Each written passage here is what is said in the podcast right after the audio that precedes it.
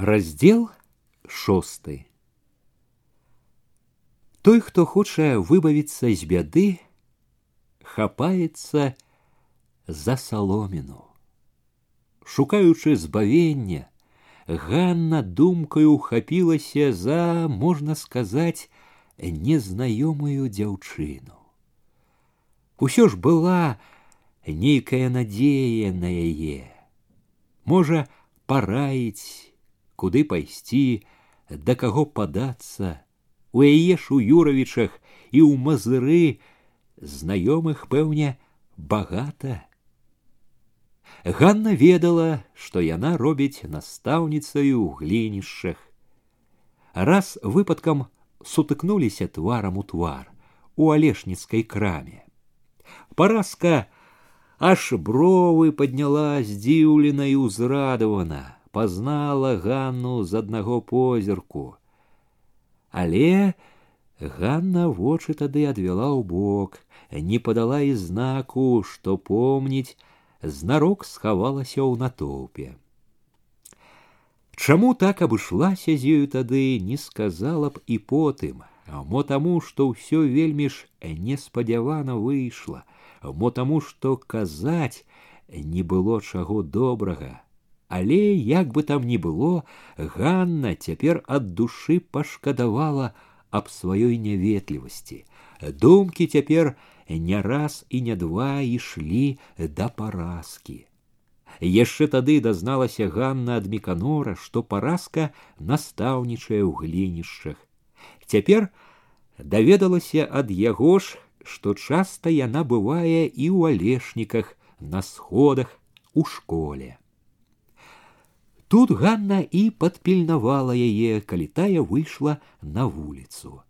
Ганне Праўда, не вельмі пашанцавала. З паразкай ішоў стары чалавек у свіцы з кніжкамі і сшыткамі, але яна падалася проста да дзяўчыны, паздаровалася. Не пазнаеш, можа, сказала знарок весела по-прыяцельску. Познала, просто, прыязна адказала паразка. Давно было, давно. Прайшлі, помаўчалі, Ганна напомнила.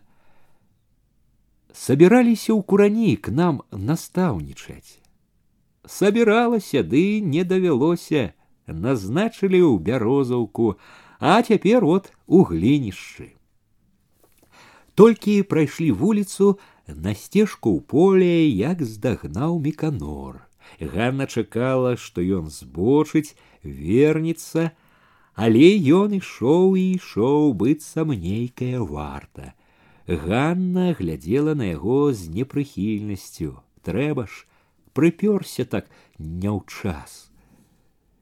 І звычайна няўклюдны, ён цяпер каля паразкі здаваўся ганне яшчэ больш няўклюдным, вялізным, бы мядзведь, а за кавалера будь хоча, подумала Ганна. Здагадвалася, сэрцам чула, што не так сабе міканор сунецца побач тут. То гаварылі абы пра што, то маўчалі, дзень быў хмурнаваты, за жаўтлявым кужалем хмар значыўся немачны кружачок сонца, якое ніяк не магло прорваться, залить дорогу, поле святлом. Таксама хмурна, няпэўна было і ў Ганны на душы. А я тады ў краме подумала, сказала паразка Ганне з вясёлай шчырасцю, што прызнаваць не хочаш мяне. Ганна пачула сябе як вінаватая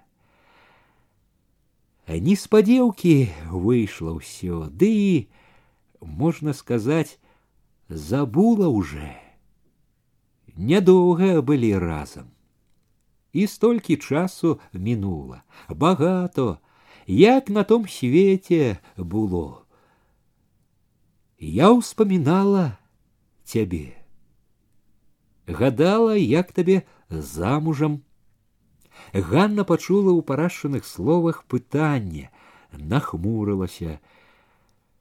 Чаго там гадаць, толькі і сказала. З усіх гэтых праводзін засталіся ў памяці непрыхільнасць да меканора і чуццё няпэўнасці, недагаворанасці, якое ўвесь час жыло ў сярэдзіне. Чуццё гэта памацнела, калі развіталіся, калі з меканорам падалася назад. Быццам і не было поруч меканора, ішлі, жылі кожны сваім настроем, сваімі думкамі. Заўважыла толькі мелькам, што ён вельмі ўсхваляваны, засмяяцца гатоў закрычаць з нейкай радасці, дыбыя, як бы сп'янелы. Ён не засмяяўся, не закрычаў, пільна азірнуўшы на яе неспадзеўкі запытаў: « Праўда это, што яўхім б'е цябе. А яна недовольно ворухнула обрывами, помолчала, быццам зазлавала на яго запытанне. Праўда, няпраўда, якое каму дело? Нам да ўсяго делу, важно аб'явіў ён, деловито дадаў: Советская улада не секрет судить за это. Хочаш, скажу яму. Не хочу, адрэзала яна цвёрда, непахісна. Міканор здзівіўся, Чаму это? Таму. А ўсё-таки чаму? Таму няпраўда ўсё наплялі. Ён, чула Ганна, не поверыў, глядзеў на яе як бы не разумеў. Ганна нядобра кінула яму: « Ты это ці не ўхаджваць за паразкай надумаў. Міканор збянтэжыўся ад неспадзеўкі не адразу знайшоў, што сказаць, выдумала. І я кажу: выдумалі. Ля сяла яны разышліся. Міканор падаўся вуліцаю, а Ганна па загуменню. Але прайшла яна па загуменню небагата, так не хацелася бачыць цяпер карчоў, што мінуўшы ўжо вярнулася на колішняе сваё селішча, падалася к роднай хаце. Мачыхі дома не было, не трэба таіцца, выдумляць нешта. Прытуліла пяшчотна хведьку, які вырэзваў нейкія цацкі на дручку з пяшчотай пагладзіла рудаватую галоўку. Той пачакаў быў цярпліва з надзеяй, зірнуў на ганну, як бы пытаючыся, яна зразумела яго позірк, вінавата пашкадавала, няма. Няма гасцінца, не крыўдуй, не зразу сюды прыйшла. И не до того мне теперь, братик, села на лаўку, стала распытывать, где матка, где батька, гаманіць абы аб чым, а сама думала, тут и остаться б, зусім не ісці б да карчоў. Пайшла з хаты толькі тады, як вярнулася мачыха. Яшчэ з двара прыкмеціла свякруха за шыбаю, як коршак віжуе, чакае, знарок цвёрда, дужа ступіла на ганак, упэўнена ўзялася за клямку, ледзь увайшла, глушачыха ў момант абмацала ўсю вачыма, пронизала позіркам. Явілася, думали, пропала уже. Не, не пропала, бояліся за ничто. Усё одно як не ў алешнікі, а ў юравічы хадзіла. Можа і ў юравічы. Гайсала зноў немаведама дзе. Гайсала. Добра, яўхіма не было. Свякруха побурчала, побурчала злосна, ды вярнулася к сабе. Што б не рабіла, Ганна ўспамінала сустрэчу, праводзіны. Думкі не толькі не ціхлі з часам, а чапляліся, кружылі ўсё мацней. Тое, што жыло недзе глыбока, як крынічка под багнаю, ад думак ахвоча дужэла, выбівалася на паверх. Як мне замужам гадала, сама не заўважыла, калі стала гаварыць і з дзяўчынаю. Як замужам. Няпраўду я казала табе тады ў Юравічах, без любові і ў нас няможна. Як для каго, а для мяне жыццё без яе не жыццё, не жыццё гэта, калі не любіш, калі ў душы нянавісць адна. Гора гэта, пагібель, а не жыццё. Праўда твоя была, твоя, дурная была я тады, не паслухалася, не абераглася, а была ж любоў, была, одна была, одна і асталася. Няма чаго таіцца, усе курані цяпер знаюць. Чалавек Яўхім кожны вечар кулакамі напамінае. Была любоў, як наздзек, разышліся, разорваліся іх дарогі. Як ветер насенне з дрэваў раскідала няскладнае жыццё іх на розныя палосы. На розных палосах пусцілі карэнне, раздзяліліся, можа, навек нявіднай, але страхотна чутнай мяжою. У яго цяпер свая моцная прывязка. Жонка, хата, гаспадарка не адарвецца, што будзе, як далей пойдзе яе доля, Мабыць, і Бог не скажа. Што рабіць, ніяк да толку не дабярэшся. Схамянулася, Чаму не сказала паразцы гэтага, калі ішлі, калі яна пыталася, яна ж не так сабе кінула, гадала, як табе замужам. Я ж пачула гэта адразу, але показала, што незразумела, прамовіла нешта, абы перамаўчаць. Канешне, і такога не можна было пры сведках расказаць, але каб хацела, ці ж не могла пад міканора адасобіцца як-небудзь. Не гэта перашкодзіла, не захацела паказваць боль свой, стаілася. А чаму ж і не стаіцца? Хто мне паразка, калі бачыць праўду? Таварышка, прыяцелька, а не прыяцелька, Чаму ж я гавару ёй усё ў думках?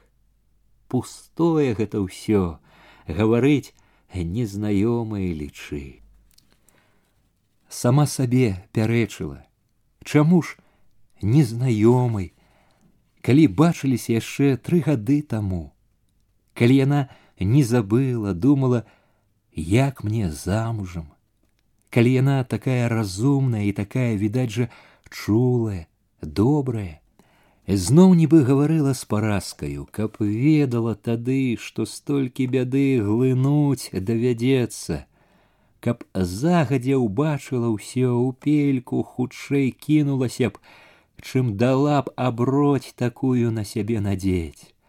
Закаялася ды позна, павянчаная, мужава жонка, нявольніца, хочаш не хочаш, а цярпі змогі няма, а цягні пакуту ды маўчы і не скарця, бо ад скарг тваіх толку ніякага ніхто не паможа, э, толькі бацькава ласка ўцешыць калі. Але ад яе і боль потым чуецца мацней, больш на волю душа рвецца.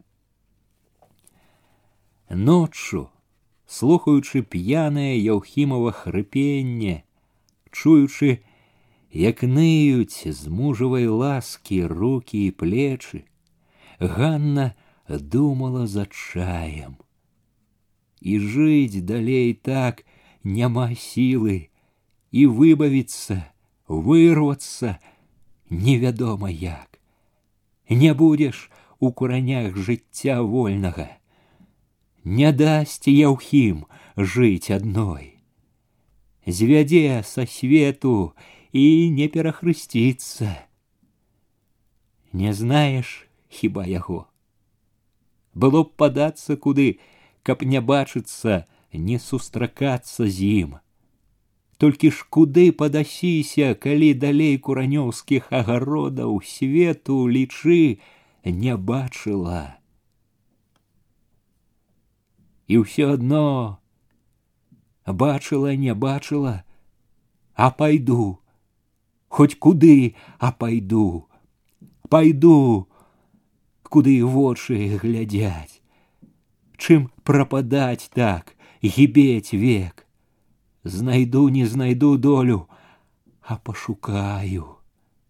Як тут было не ўспомніць зноў паразку, на каго ж яшчэ магла быць надзея, Тут жа так патрэбна была падтрымка, хоць бы парада, ты парай, памажы хоць словам, ты ж бачыла свет, ты ж городская, вучаная, вот и будет твоя наука мне, твоя грамота. Так закартела зноў побачиться. Скажу все чисто, не буду таить ничего. Скажу все, няхай знае, няхай параіць але не сказала ні ў другую сустрэчу, ні ў трэцюю, і не таму, што міканор замінаў. Кожны раз, калі ішлі разам, чула Ганна, што не можа паказаць паразцы бяду сваю. Не тое, што каб не верыла ёй, але кожны раз чула ўсё ж між сабой і паразкай нейкую мяжу, якую не можна было пераступіць з бядою, не рызыкуючы гонарам. Гонар жа гэты быў трывожны, насцярожаны, усё гатоў быў перацярпець, толькі не сваё прыніжэнне. А нават у той раз, калі яны былі з паразкаю блізкія, як ніколі, калі Ганна, нібы вельмі рашуча адарвала паразку ад мужчын спадарожнікаў, шчырая гаворка між ганнай паразкаю пайшла не адразу. Доўга ішлі моўчкі, паразка не пыталася нічога, нават не глядзела на ганну, цярпліва чакала гаворкі, а ганна слова прамовіць не магла. Ужо недалёка былі глінішанскія могілкі. Под нізкім хмурным небам дрэвы тырчалі таксама хмурныя, голыя. Невясёла сівеў выган, схаладнела, нярадасна туліўся чэзлы алешнік і бярэзнік на ўзболатку. Такая нярадасць, пастыласць былі ўсюды. Э, так цяжка было пачаць расшчапіць сціснутыя бядою губы, узять з душы з болю, якім гарэла ўсё ўсярэдзіне словы, выціснула глуха, хрыпата з адчаем, з рашучасцю. Не магу болей. Паразка толькі зірнула пільным, шчырым позіркам, нібы мерала глыбіню. Кончыць сябе хачу. Хоць не глядзела на паразку, заўважыла, як трывога спачування хмаркай прайшлі па яе твары. У грудях запякло яшчэ мацней. Бы звяры, поедам, ядзяць. Ад таго, што ўсярэдзіне так пякло, гаварыць было цяжка, словы то нібы прарываліся, то застравалі ў горле думала ўсё перацярплю не магу няма маёй сілы трохі ішлі моўчкі парашчана рука лагодна чула легла на ганні на плячо ішлі ўжо як сяброўкі а на што цярпець сказала паразка ён любіць любіць Ганніны губы злосна скрывіліся. Любіць, як грушу, вытрасе скора душу. Зноў ішлі моўчкі. Ганна глядзела нязводна кудысьці наперад, але не бачыла нічога. Вочы былі сухія, гарачыя. Дык чаго ж ты? Зноў нібы запыталася, нібы папракнула паразка. Не зусім упэўнена дадала: « Хто цябе трымае? Хто? Ганна стрымалася, сказала спакайней, як бы з павучаннем: « Не знаеш ты ўсяго, по-свойму, по-гарадскому думаешь не по гарадскому, не по-нашаму, па-жаночаму. Зразумець хачу, запярэчыла паразка. Жыць з чалавекам не любячы яго, гэта я так лічу усё роўна, што не жыць, а жыць ненавідзячы, гэта ж не ведаю, як і назваць. Гэта ж катарга, а не катарга, думаеш. Катарга Дык нашто ж усё жыццё пакутаваць на ёй? За кару якую? Ці ты прывязана навек? А хіба не, не прывязана? Да калі б не прывязана была, стала б я цярпець усё.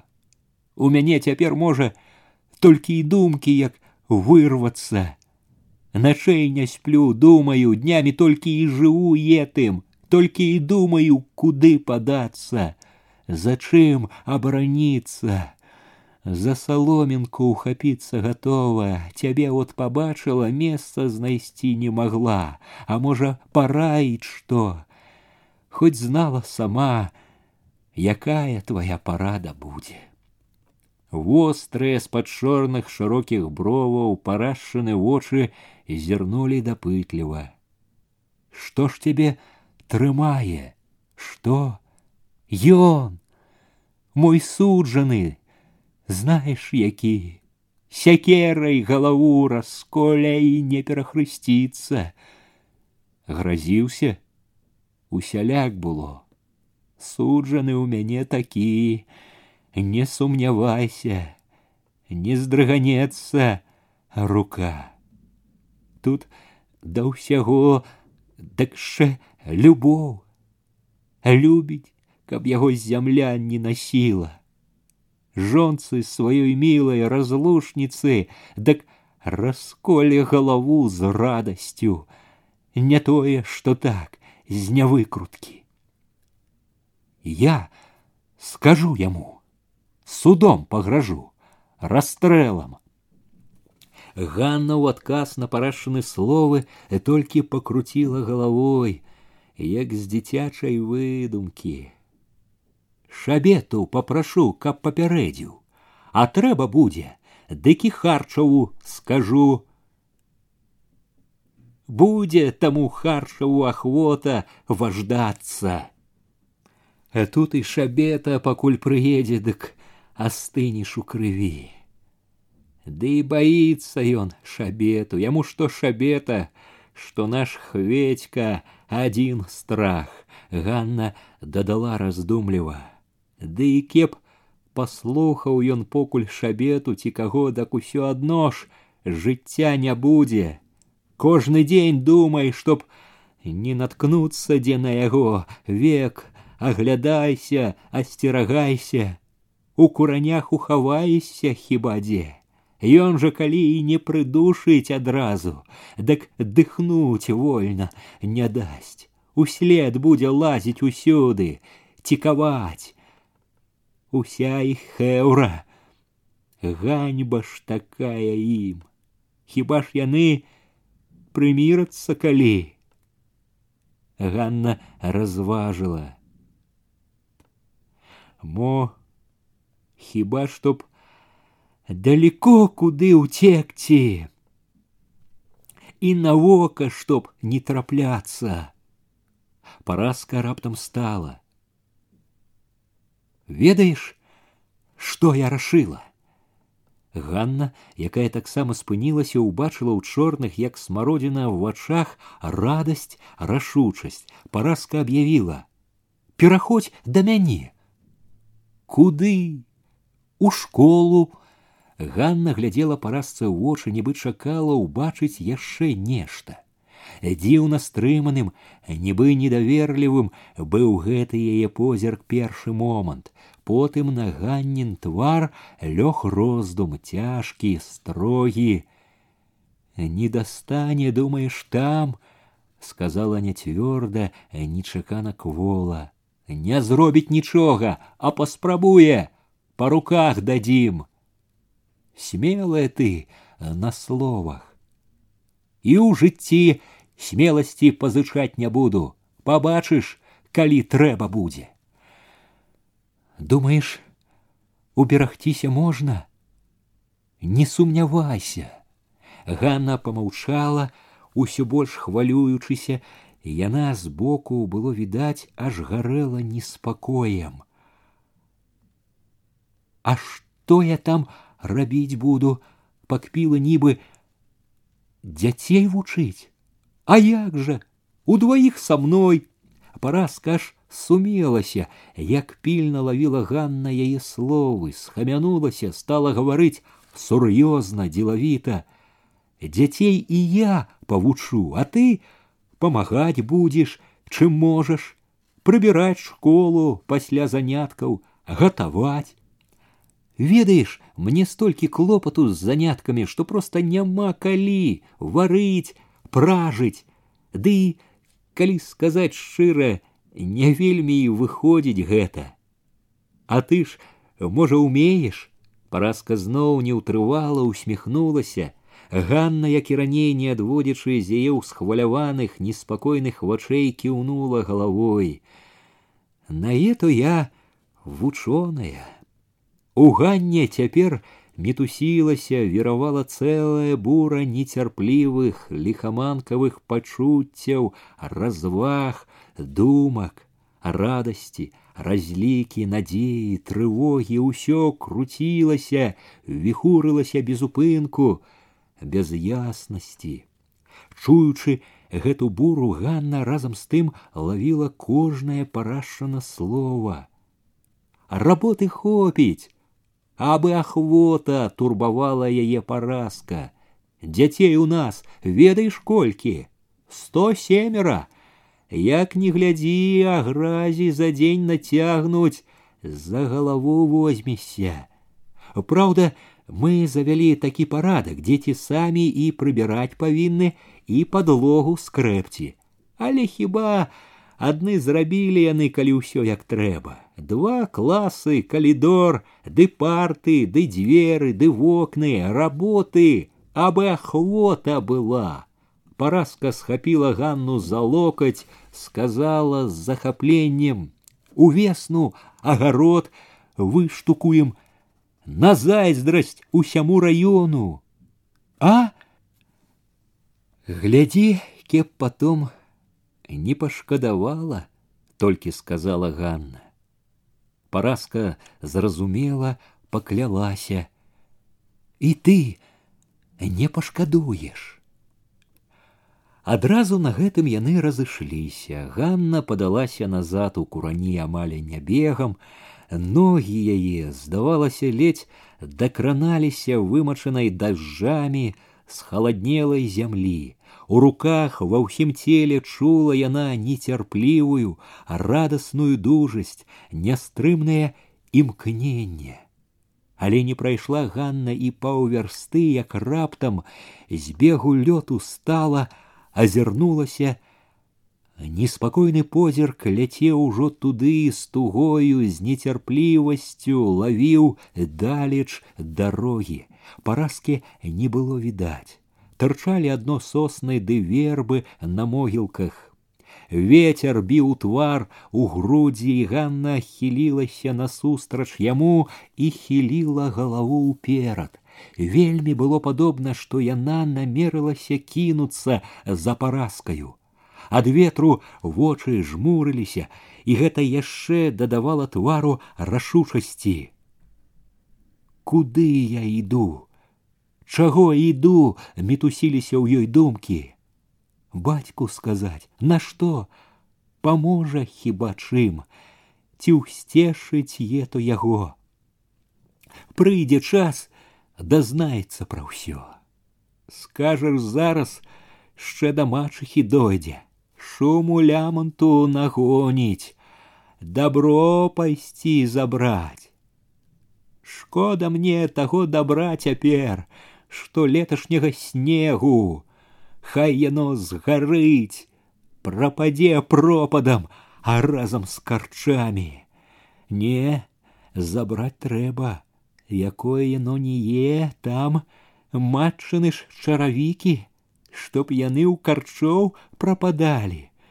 Ды і то кохту хоць ды спадніцу чыстую б мець, пераадзецца ў нешта ж трэба будзе. Забраць трэба. Мог бы, канешне, і бацька ўзяць, але толькі і не хапае яму такога клопату вельмі рады будзе паказацца ён там пасля ўсяго, ды і вырвеш у іх потом.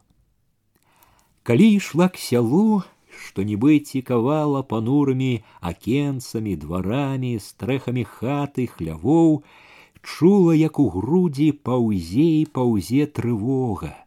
Трывога заныла і калі зірнула народную хату на кубку чорных і груш, на двор, па якім з хлява ішла мачыха, трывога яшчэ памацнела, калі пайшла за гуменнай дарогай бліжэй бліжэй да карчоў.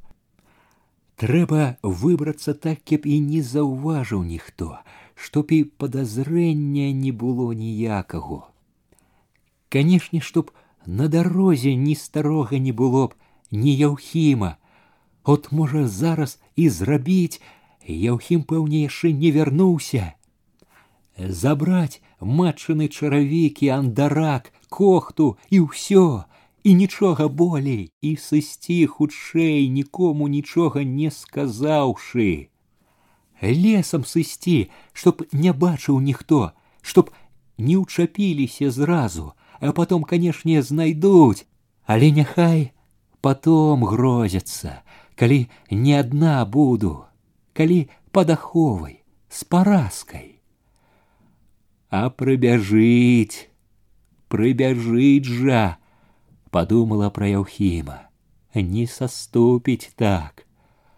У грудзі папоўз страх, прыляціць туды, як звер ашалелы.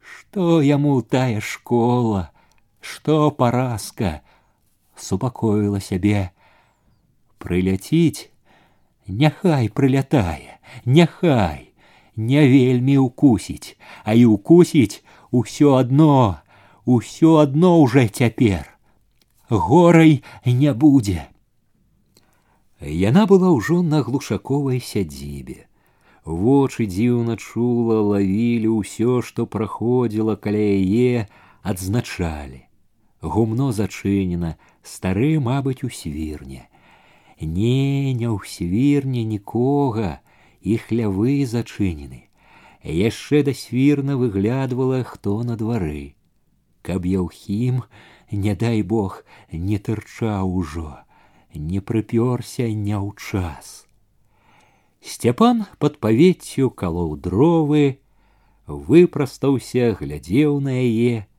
а яна нібы не заўважыла нібы з заўсёдным спакоем прайшла міма каля хаты стары закопваў падпірку к слупу слуп у зямлі згніў і плот валіўся корч на момант адвярнуўся трымаючы жалязняк востра зіркнуў промаўчаў ганна цвёрда ступила на свой ганак хотела адразу падацца на сваю палавіну але тут выткнулася з вядром свякруха пераняла дзе это гайсала Ганна ледь стрымалася, каб не адрэзаць у адказ нянавісцю, але сцярпела, на што заядацца, насцярожваць лішне. С хведькам дома пасядзела.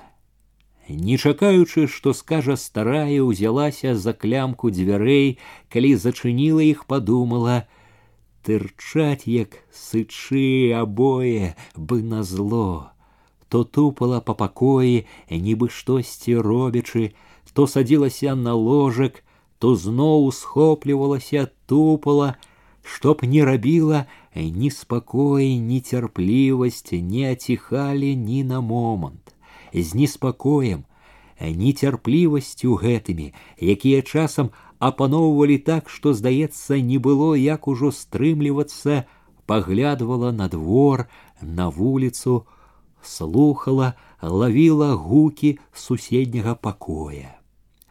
Стары ўсё корпаўся ля слупка, свякруха не вярталася.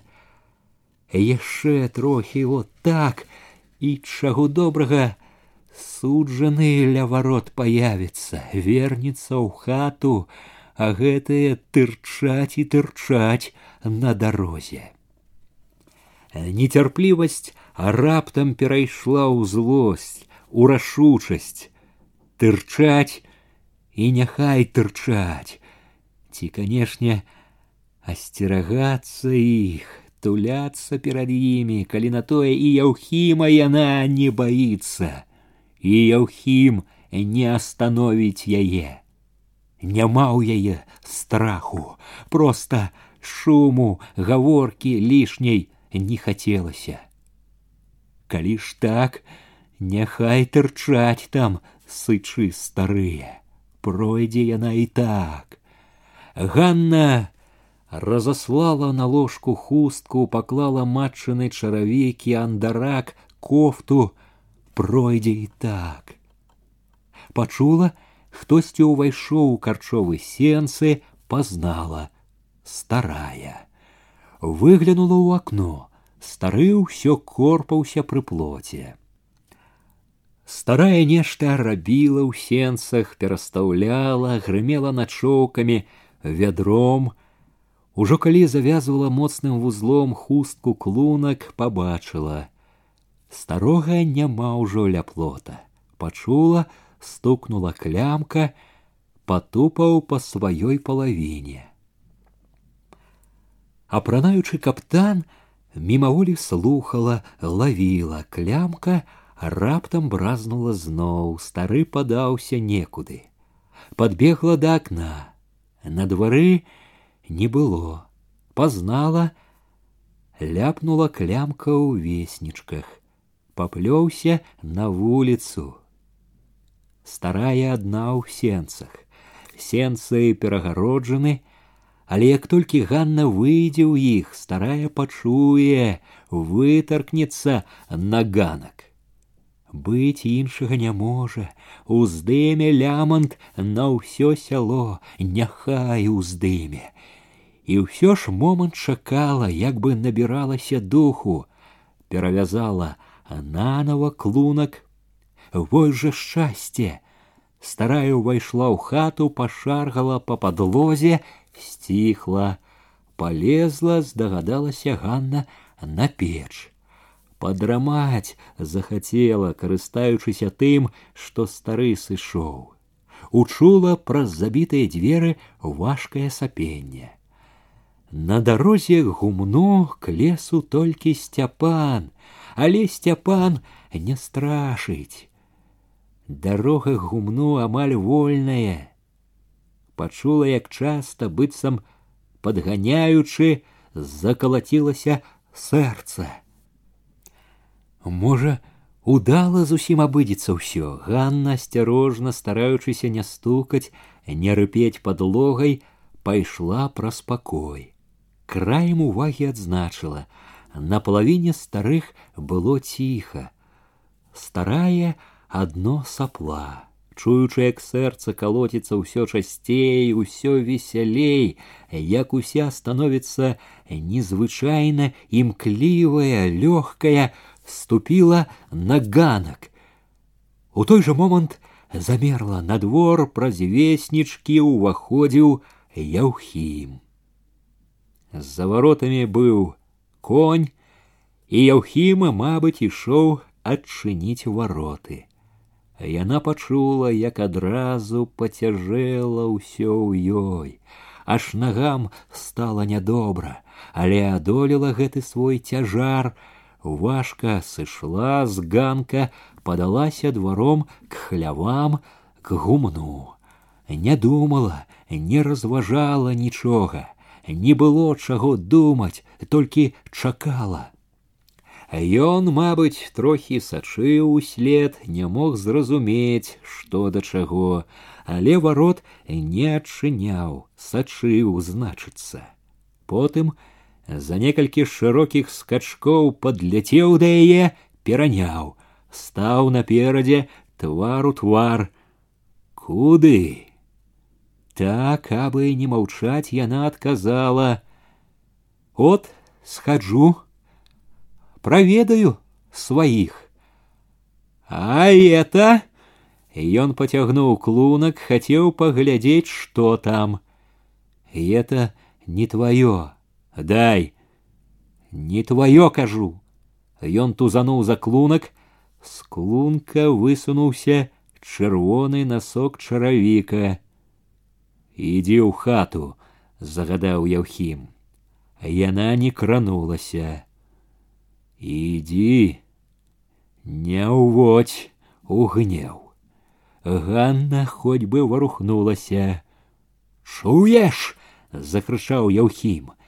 Каля вачэй яго скура нядобра пачырванела.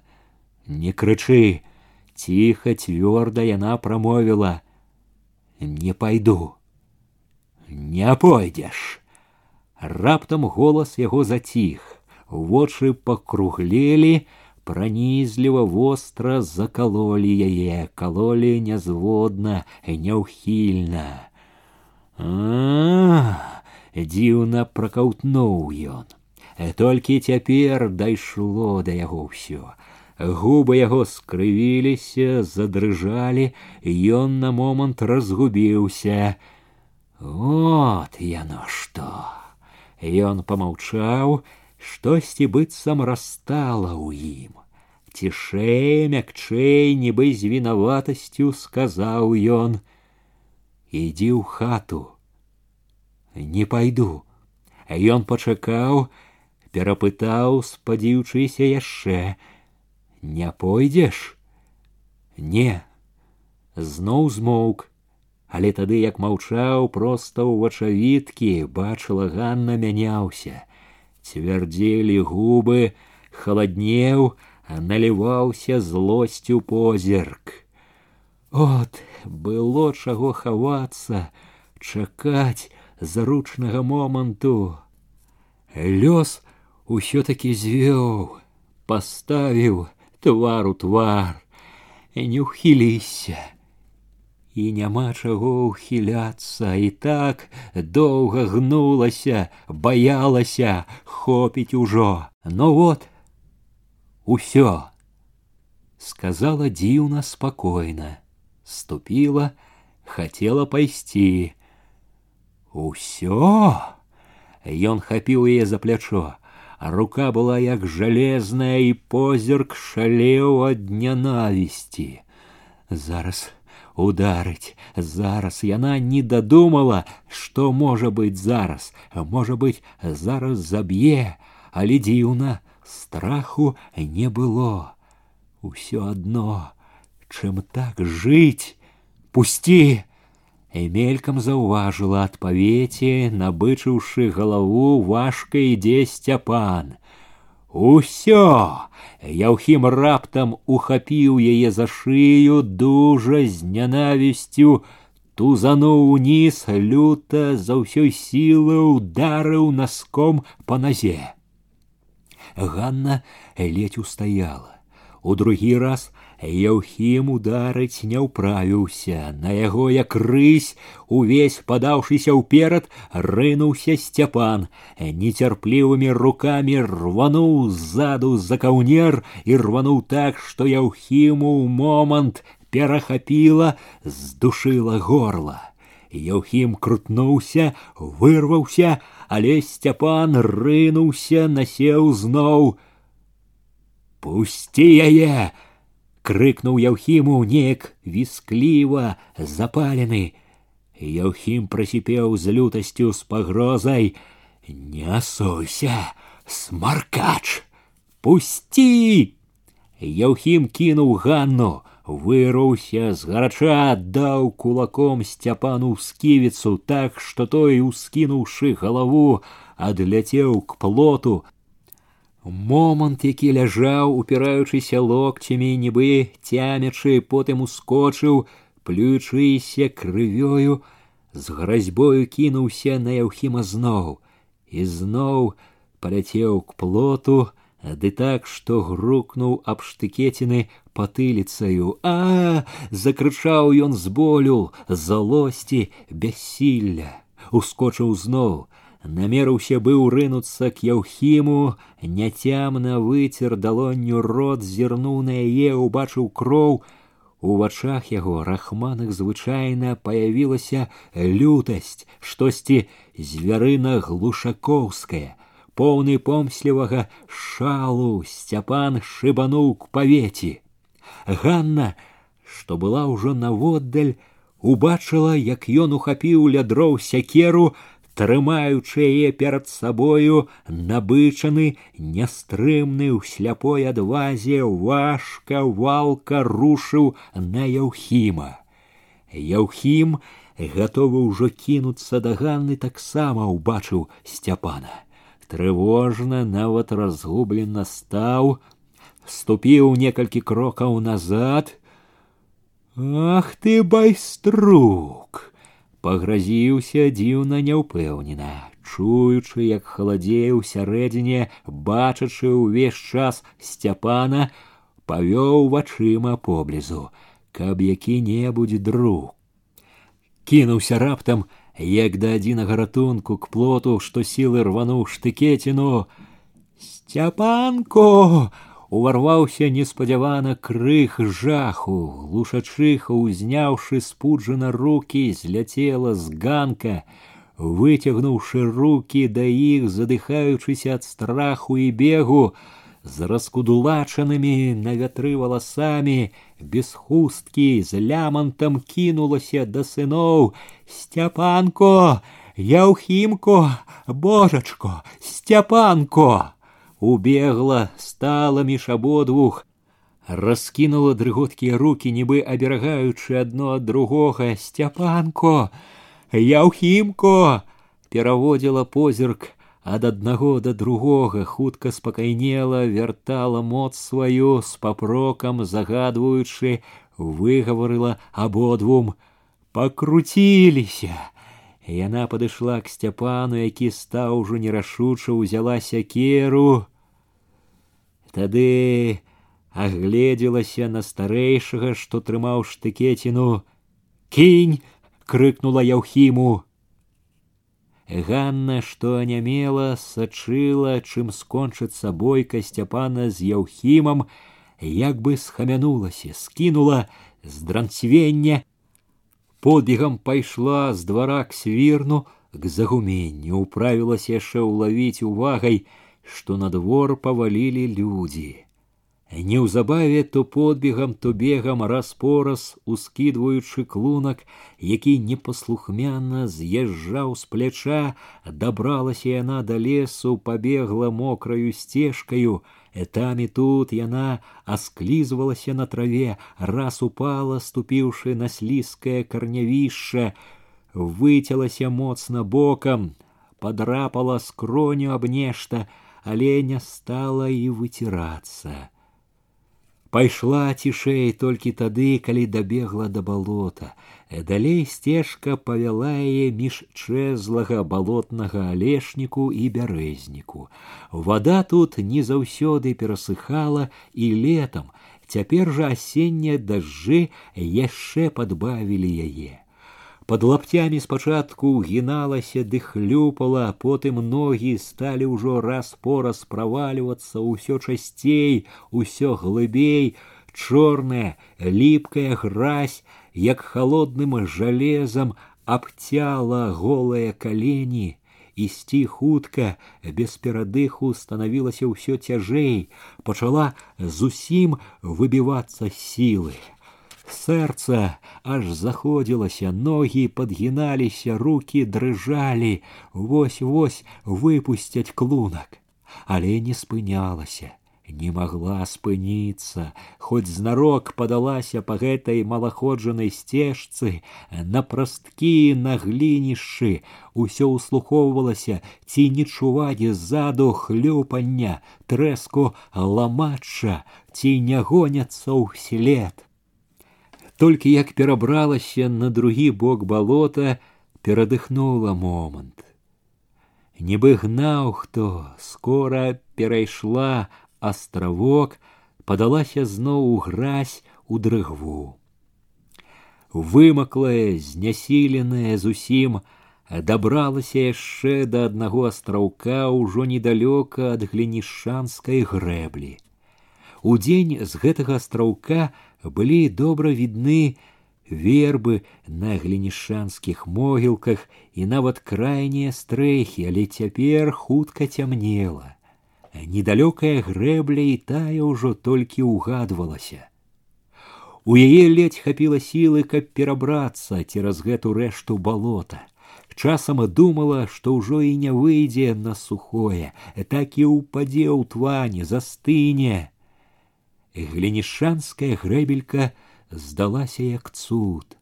Адкуль толькі сілы дадалося, калі пайшла па ёй цераз масток, паўз пусты выган, паўз чорныя вербы могілак.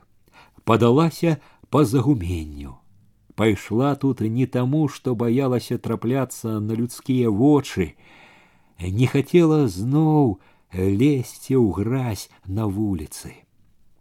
Школа была на другім канцы сяла, сярод вялікага абгароджанага пляца. Ганна некалькі разоў бачыла яе зводдалеку, калі ехала паўз глінішчы. Цяпер у школе было цёмна, толькі збоку заўважыла Ганна, падыходзячы, яснела паска зямлі. Там за рогам будынка і праўда свяцілася акно, завешанае белай фіранкай. Яна знайшла ў потемку ганак, ступіла на парог, пацягнула за клямку дзвярэй. Дзверы адчыніліся. У калідоры яна ўбачыла нітачку святла ўнізе, намацала яшчэ клямку. Ганна адчыніла гэтыя дзверы і ўбачыла паразку, якая сядзела каля стала са шыткамі. От і я! Клунак выпаў з яе рук. Толькі ў ранку стала як бы прыходзіць у прытомнасць, хоць і нібы праз туман стала бачыць, чуць навакольнае.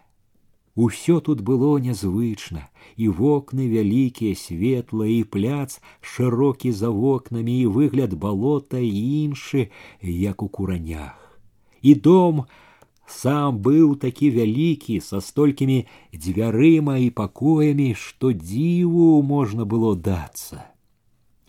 Пасярод дома ад ганка ішоў калідор, з якога ў адзін бок жаўцела двое дзвярэй, а ў другі трое.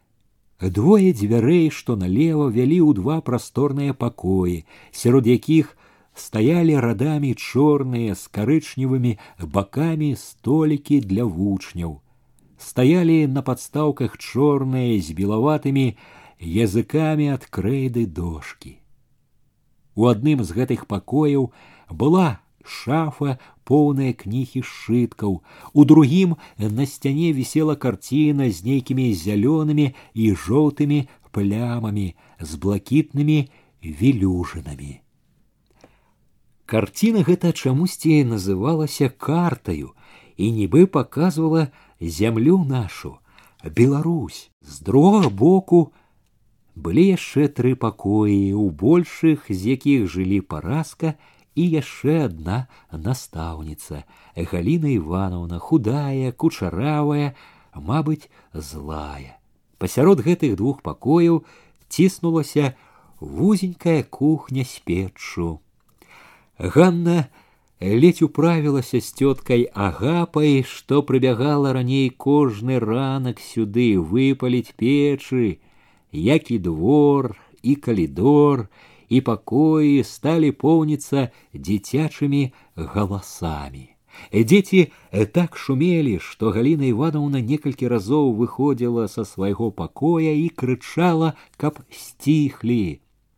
Але стихли голосы надолго только тады, калі адзвенеў звонок, и наставницы со шитками и книжками зникли ў класах. Так было ўвесь дзень. Дома то аціхаў, то поўніўся такім вірам гоману і крыкаў, што здавалася, як шыбкі трымаюцца. Як каму, Ага не падабаўся гэты галас, гэтае кіпенне, ён весяліў, бадзёрыў яе.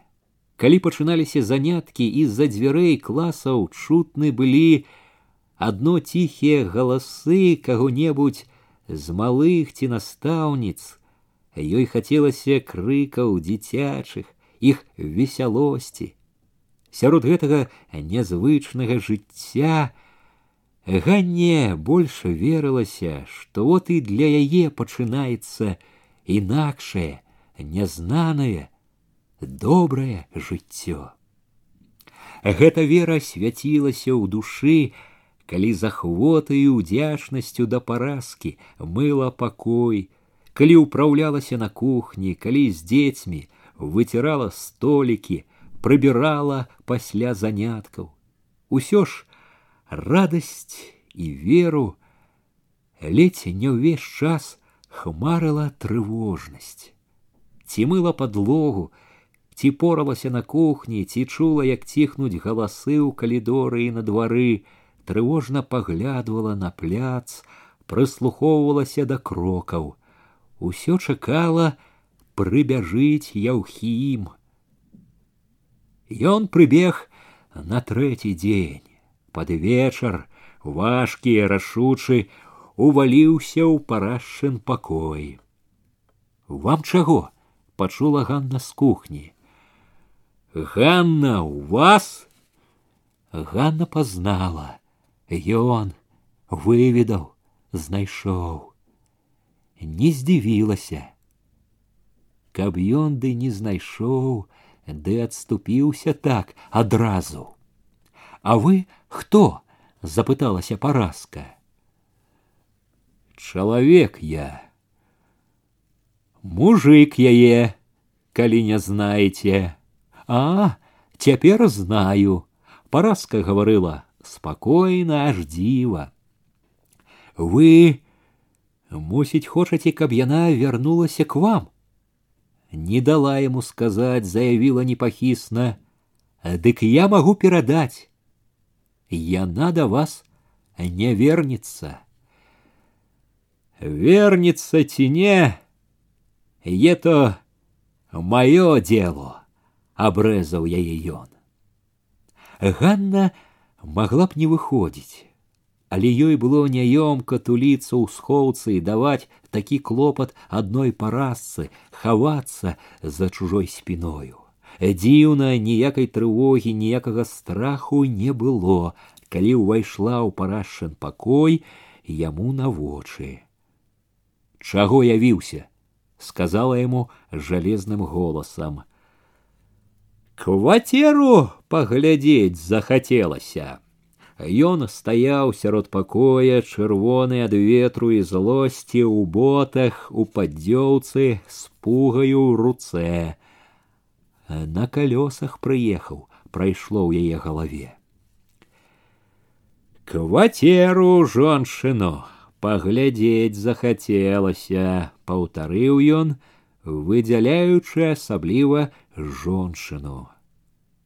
Паглядзі, у яе голасе ва ўсёй паставе былі кплівасць ганарыстасць бачу багато жывеш непагано Ён павёў вачыма па пакоі, непрыхільна зіркнуў на паразку, важна пераступіў з нагі на нагу. Дак можа, пора уже кончыць эту камедію сказаў раптам мякчэй згаворліва дак я уже кончыла ён пронізаў яе позіркам ето ты цвёрдо насаўсім хопіць уже паспытала шчасця ну глядзі у яго голасе зноў пачулася пагроза чтоб не покаялася. И это уже мой страх. Только не бойся, не покаюся. Я покуль по-добраму, ён як раней грозіўся, а толькі чула Ганна, сам не ведаў, што рабіць далей, але не паказваў выгляду. А потым что? Прымусіце? Заступілася за Ганну Параска. И это уже наше дело. Что? Яўхіма люта зіркнуў на паразку. Вам бы, барышня, лепей не сунуть носа сюды.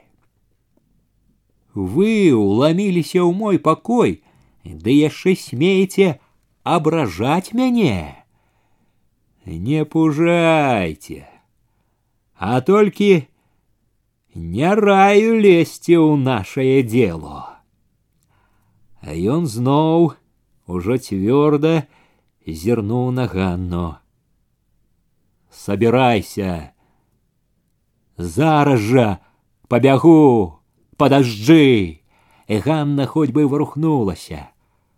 Покуль не поздно. Кончано ўсё. Значыць, позна не будзе. Ну глядзеш, грозна сказаў ён, хацеў ужо ісці, але затрымаўся. Чамусьці паведаміў. Сцяпана бацьку выгнаў. Не паяўляўся яшчэ. Не. Появится, конечно. У Юровичах бачили уже. Постоял, помолчал, раптом опалил злостью, ненавистью. Ну, глядишь, усё одно. Без мяне табе не жить. Знай. Ён стукнуў дзвярыма, важка затупаў у калідоры. Людзі хавалі мёртвых, біліся ў горы над імі, бедавалі пра любых сваіх, жаніліся з імі. Людзі жалі і малацілі, снедалі і вячэралі, да людзей ішлі нязвыклыя, нязведаныя перамены, якія павінны былі зрабіць усё такім, якім яно не было ніколі. А людзі жылі, як і дзесяць і сто гадоў, і жылі як не жыў яшчэ ніхто ніколі даўняе і новае дробнае і вялікае усё было ў гэтым жыцці разам злівалася перамешвалася лілося адной верлівай шырокай няспыннай ракою у куранях багата по-рознаму гаварылі пра ганнін учынак пра яўхіма по-рознаму з трывогай і злараднасцю гадалі чым усё скончыцца гэтыя гаданні яшчэ пабольшалі калі ў куранях пайшлі чуткі што яўхім хадзіў у глінішчы гразіўся што ёй без яго ўсё адно не жыць і што Ганна не толькі не збаялася, а насмяялася з яго. Сярод гаворак пра Ганну былі такія, што старыя казалі, не помнілі, каб у куранях калі-небудзь якая-небудзь жонка кідала чалавека, ды яшчэ такога, як Яўхім. У адзін з гэтых дзён Васіль, які і радаваўся і трывожыўся за Ганну, выправіўся ў Юравічы. Нельга было так проста адступіцца ад нядаўняй несправядлівасці. Васіль не ўмеў адступацца, пакуль была хоць нейкая надзея, карцела Васілю паспрабаваць знайсці заступку ў апейкі. Ішоў ён у гэты сухі холодны дзень ужо спакайней і не з такой гарачай надзеяй, сплятаючыся з неспакойнымі, заваблівымі думкамі пра ганну, таміла Васіля прачуванне, што і апейка наўрад ці заступіцца, паможа чым-небудзь. Але Васіль ішоў і дайшоў і дачакаўся, пакуль апейка аднекуль не вярнуўся ў кабінет і выгаварыў сваё набалелае як мог.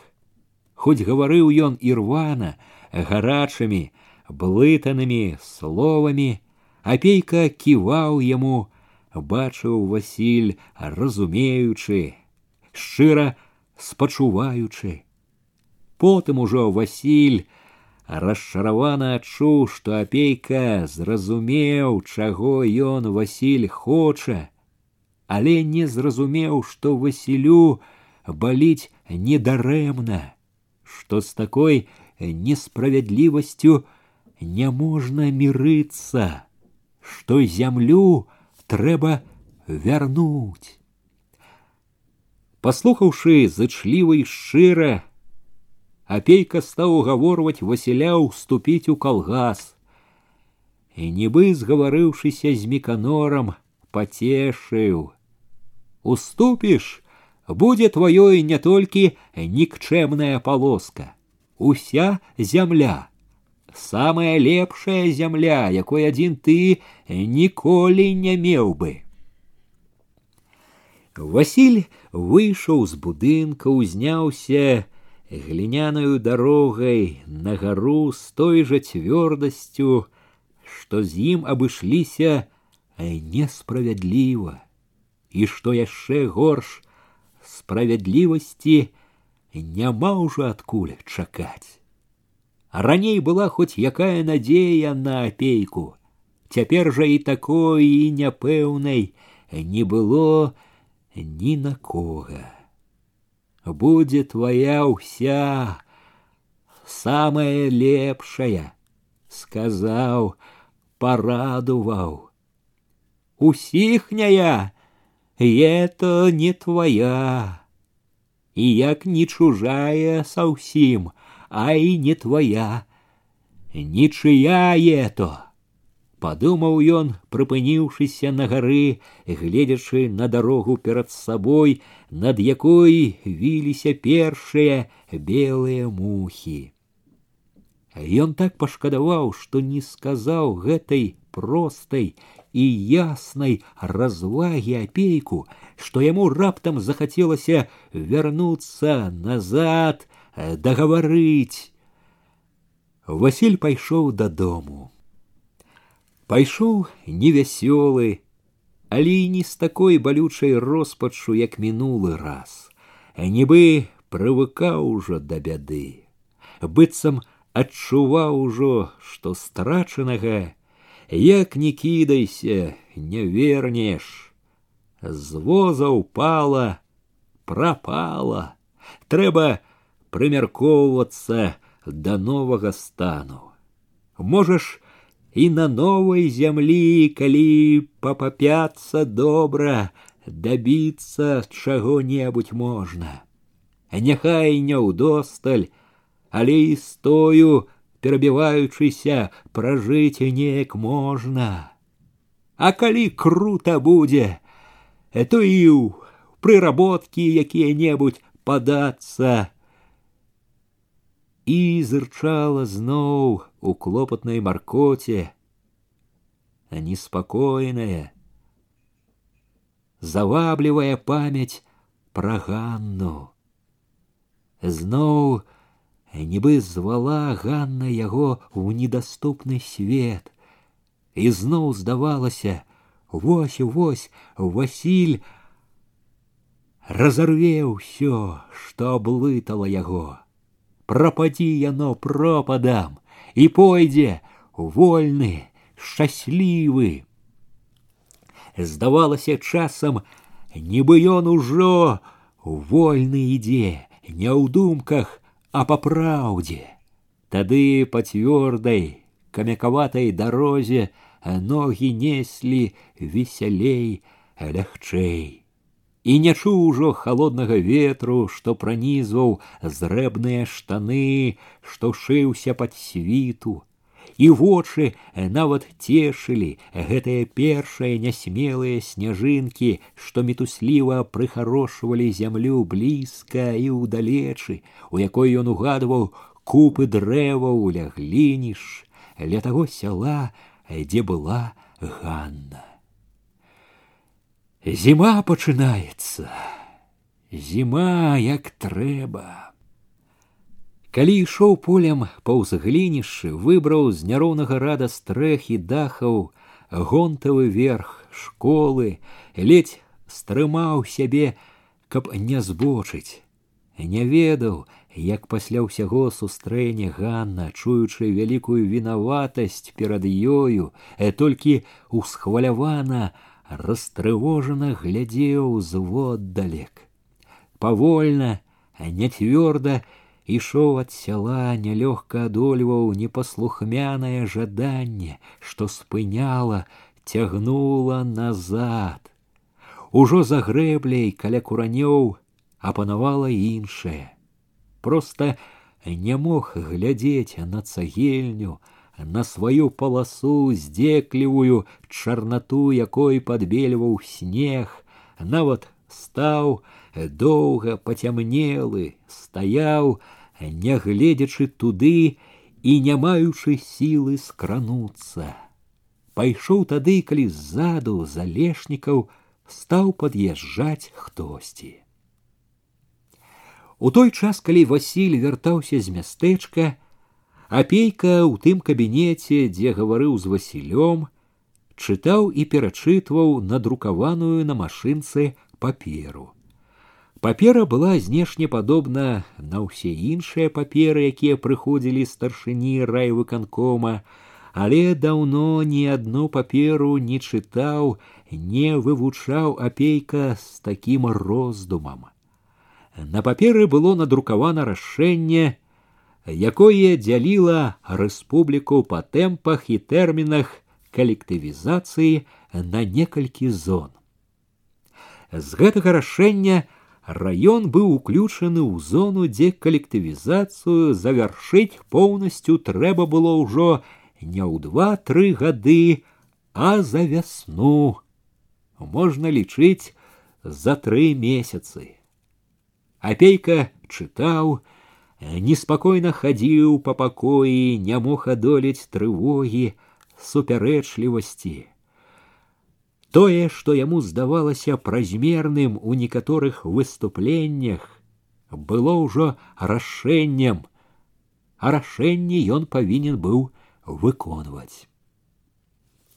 Звыклы браць цяжар працы на свае плечы, адказваць за раён, за людзей, ён з прыкрасцю адчуваў, што задача гэта проста непасільная, што гэта, як ён не будзе старацца, не зробіць, бо зрабіць гэта немагчыма за такі час пры тых умовах, якія былі вядомы яму з бясконцых паездак. Але рашэнне ёсць рашэнне, трэба было рабіць, што магчыма і больш таго. І апейка хадзіў з краю ў край пакоя, думаў, думаў. З гэтага дня на змену імжы і макрэчы прывалілі маразы.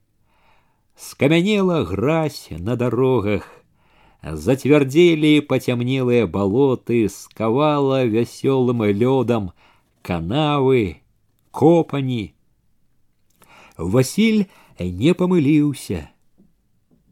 Лесом, болотами, полями и шла зима. У коронях стали белыми, звонкими раницы, шерами, пякучими ночи. У адзін з такіх звонкіх ранкаў Хоня пад'ехаў з вясёлай гаманою да хадошчынай хаты. Шумліва, з галасам, каціла з вуліцы праз грэблю да царквы вясельная чарада, у якой на двух вазах сядзелі прыбраныя, заружавелыя маладыя, Хоня, і хадоська. Хадоська глядела стрымана, сур'ёзна, як лічыла яна, трэба было ў такі дзень. Хоняш рагатаў, галёкаў, здалёк было відаць, як давольны сваёй удачы, сваёй долі.